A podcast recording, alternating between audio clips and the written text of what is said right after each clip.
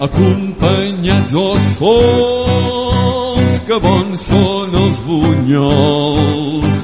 Si són ben ensucrats, te'ls menges agrapats. I si no ho són també, que sempre venen bé. Sucats amb llet fan clar,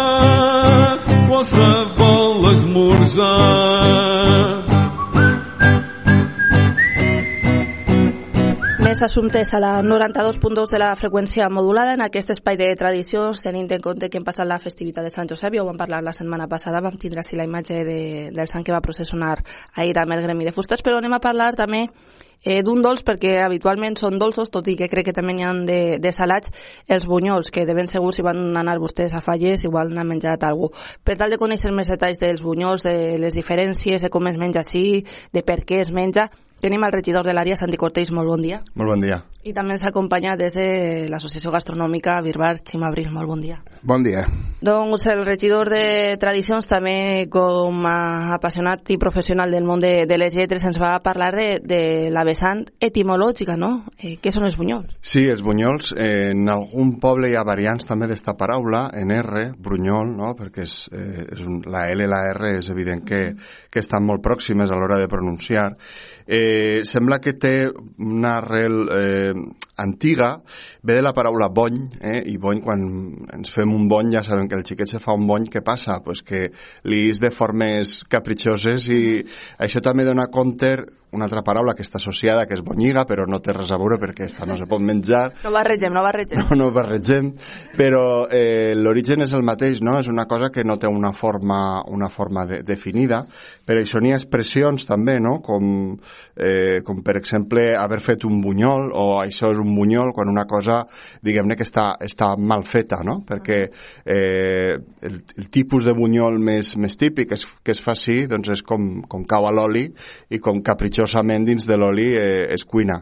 Aleshores això dona, dona compte de, de tota la tradició que té, eh? perquè, com dic, és una paraula eh, molt antiga. Hi ha altres expressions també com bunyeta en algunes comarques, es diu bunyeta, i després també mm, fa poc van fer el, el sopar medieval i van parlar del llibre més antic que hi ha de cuina, un dels més antics del món, que és el de Sensoví. Mm -hmm. Hi ha un altre molt important, que és el llibre del Coc, però el llibre de Sensoví és del 1324, 50 anys després de fundar Vila-real.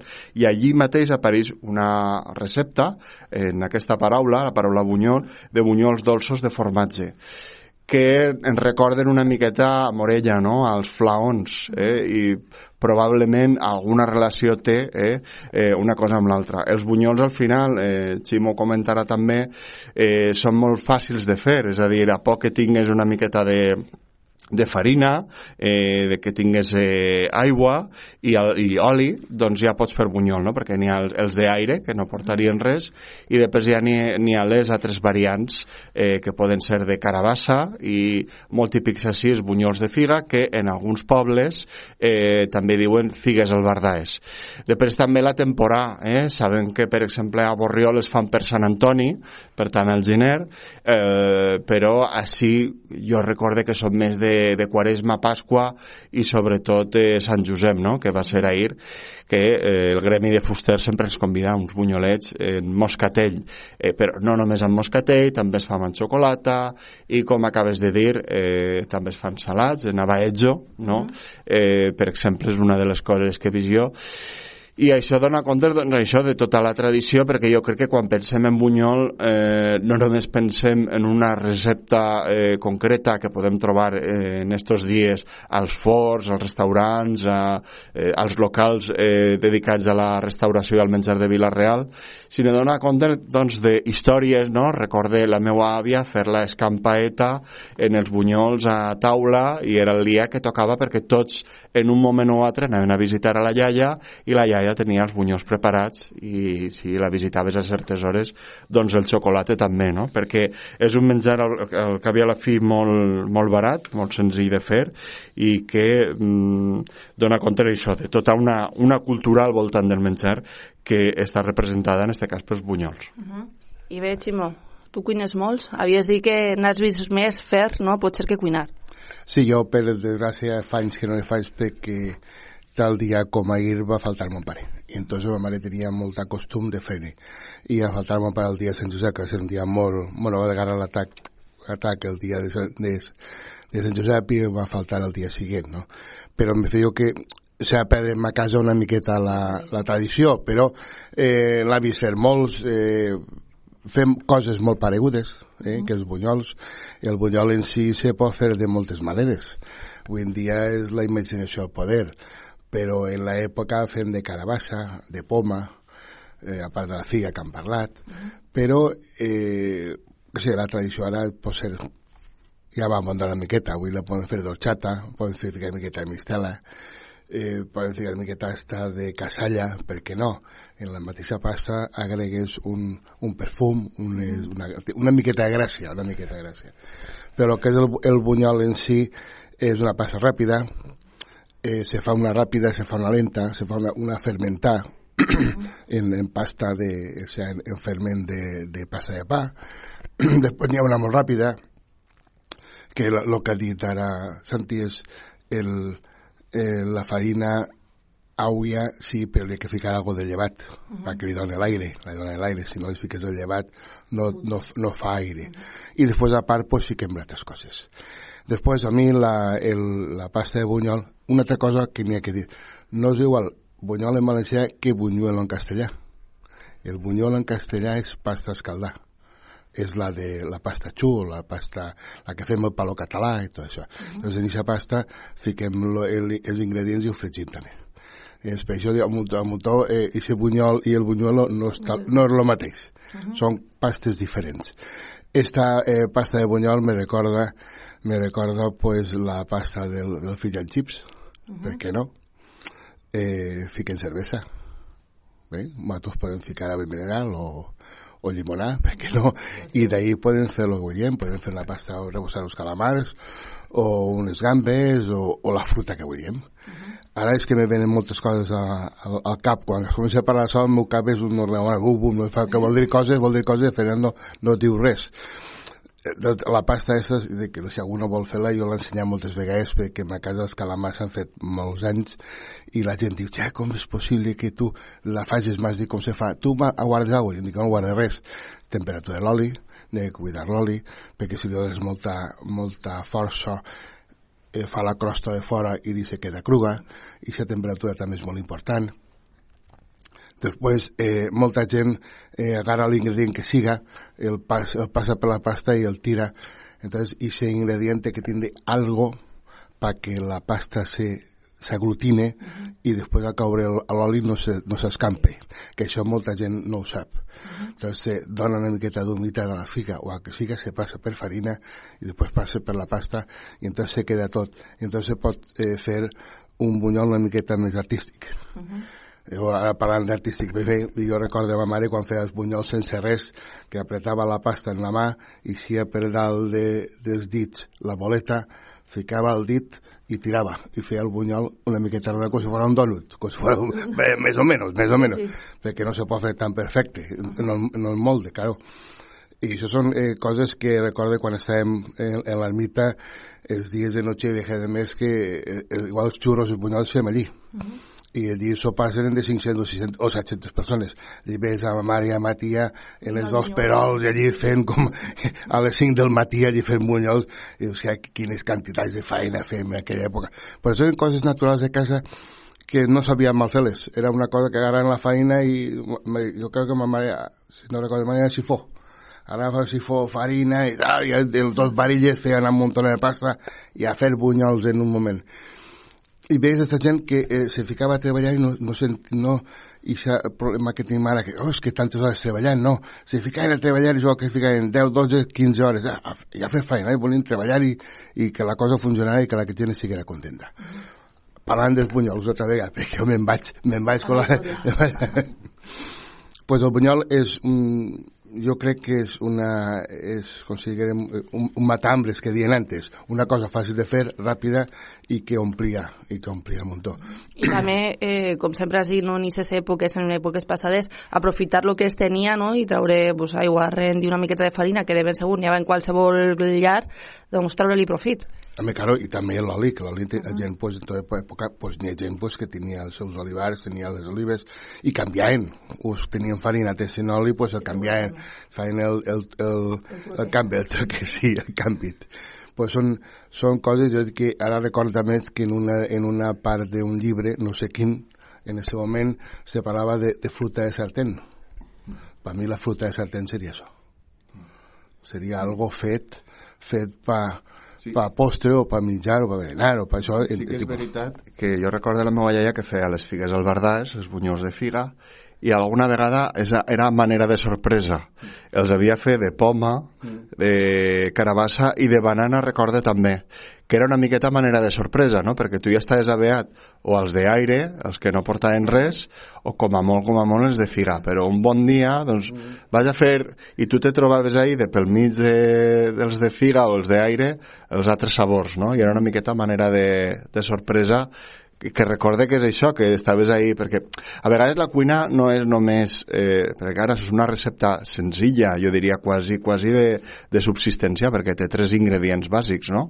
Eh, i, si, I la fruita que li, que li pugues afegir però eh, la cuina quan va associar la tradició són històries, no? Perquè ara Ximo estava contant algunes seues. Quan recordem el bunyol, no recordem simplement un plat que ha fet un cuiner molt innovador, sinó que directament eh, Ximo, i jo també, i probablement molts dels oients, ens anem a, a històries, a històries antigues del pare, de la iaia, perquè van associats a això, a tota una cultura.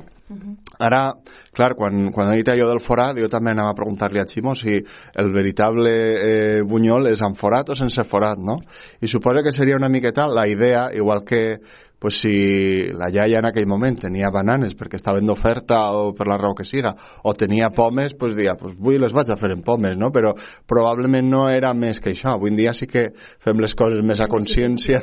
Ah, haig de fer les de poma, no? Però jo suposo que seria pues, de lo que tindríem per ahir, la fruita que tindríem per ahir, doncs ells anaven fent. Mm -hmm. I en forat pues, ens recorda una miqueta els donuts, no? Que sabeu que els donuts en, en anglès és dof, que és pasta, i nuts, que eh, és un fruit sec, no? Mm -hmm. I en aquesta paraula apareixen els donuts, però molt abans de que vingueren així les americanes i tot això, doncs nosaltres teníem els nostres propis bunyols barra donuts a la valenciana, no?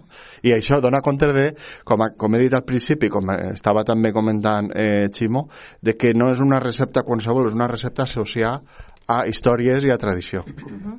Forato sense? Com? Forato sense. Lo que toqui. Home, jo crec com, que... Com vinga. Quan n'hi ha, quan hi ha perquè dius n'hi ha res. està forat, eh? Anat. I si està al redonet, pues dius n'hi haurà algo, lo que sigui. Uh -huh. Bueno, el forat jo crec que parant, jo crec que a lo millor el donut s'ha sigut una còpia de, de, del punyol. Nostre. Al revés, sí. Eh, ha sigut, jo crec que ho han copiat. Han copiat perquè nosaltres estem davant, no? Jo crec que estem davant. Sí. Entonces són coses hereditàries que ho va reformant i va arreglant va con la pelota de flare, hi ha moltes coses, o sigui que jo crec que eh, la gent avui en dia si veus les històries dels mitjans o de les coses, veus que són coses reformades. El meu professor de cuina en l'escola estaria molt dia, diu, està tot inventat, el que n'hi ha que reformar-ho n'hi ha que arreglar les coses, o sigui, que hi ha coses que dius, ja, però això, això, això és el que feia ma abuela. Mm -hmm. És com jo recordo si quan van fer la primera tortilla gegant, que li van ficar una xapa de, de ferro damunt, diu, això ja feia la meva rebisabuela quan necessitava arròs al forn no tenia forn, doncs anava a basilar i una planxa amunt, foc, val, foc baix i foc dalt, un forn. Perquè reformar-ho i bonico i, i assear-ho pues, a les circumstàncies d'avui dia. Això, això està més que clar avui. Havies comentat, Ximo, que clar, que quan tires a la sartén pues, doncs pot passar el que siga amb l'oli, però eh, per a que no quede mala, massa oliós, no? perquè dius, si és un xorrito d'oli, això, això com s'aconseguís? L'altre dia que deia Núria alguna recepta, deia que inclús en vinagre, no sabem si això va bé o no va bé. No, jo crec que lo, lo, important, lo important és la temperatura de l'oli. Si l'oli està molt baix, xupla. Això és com la llum.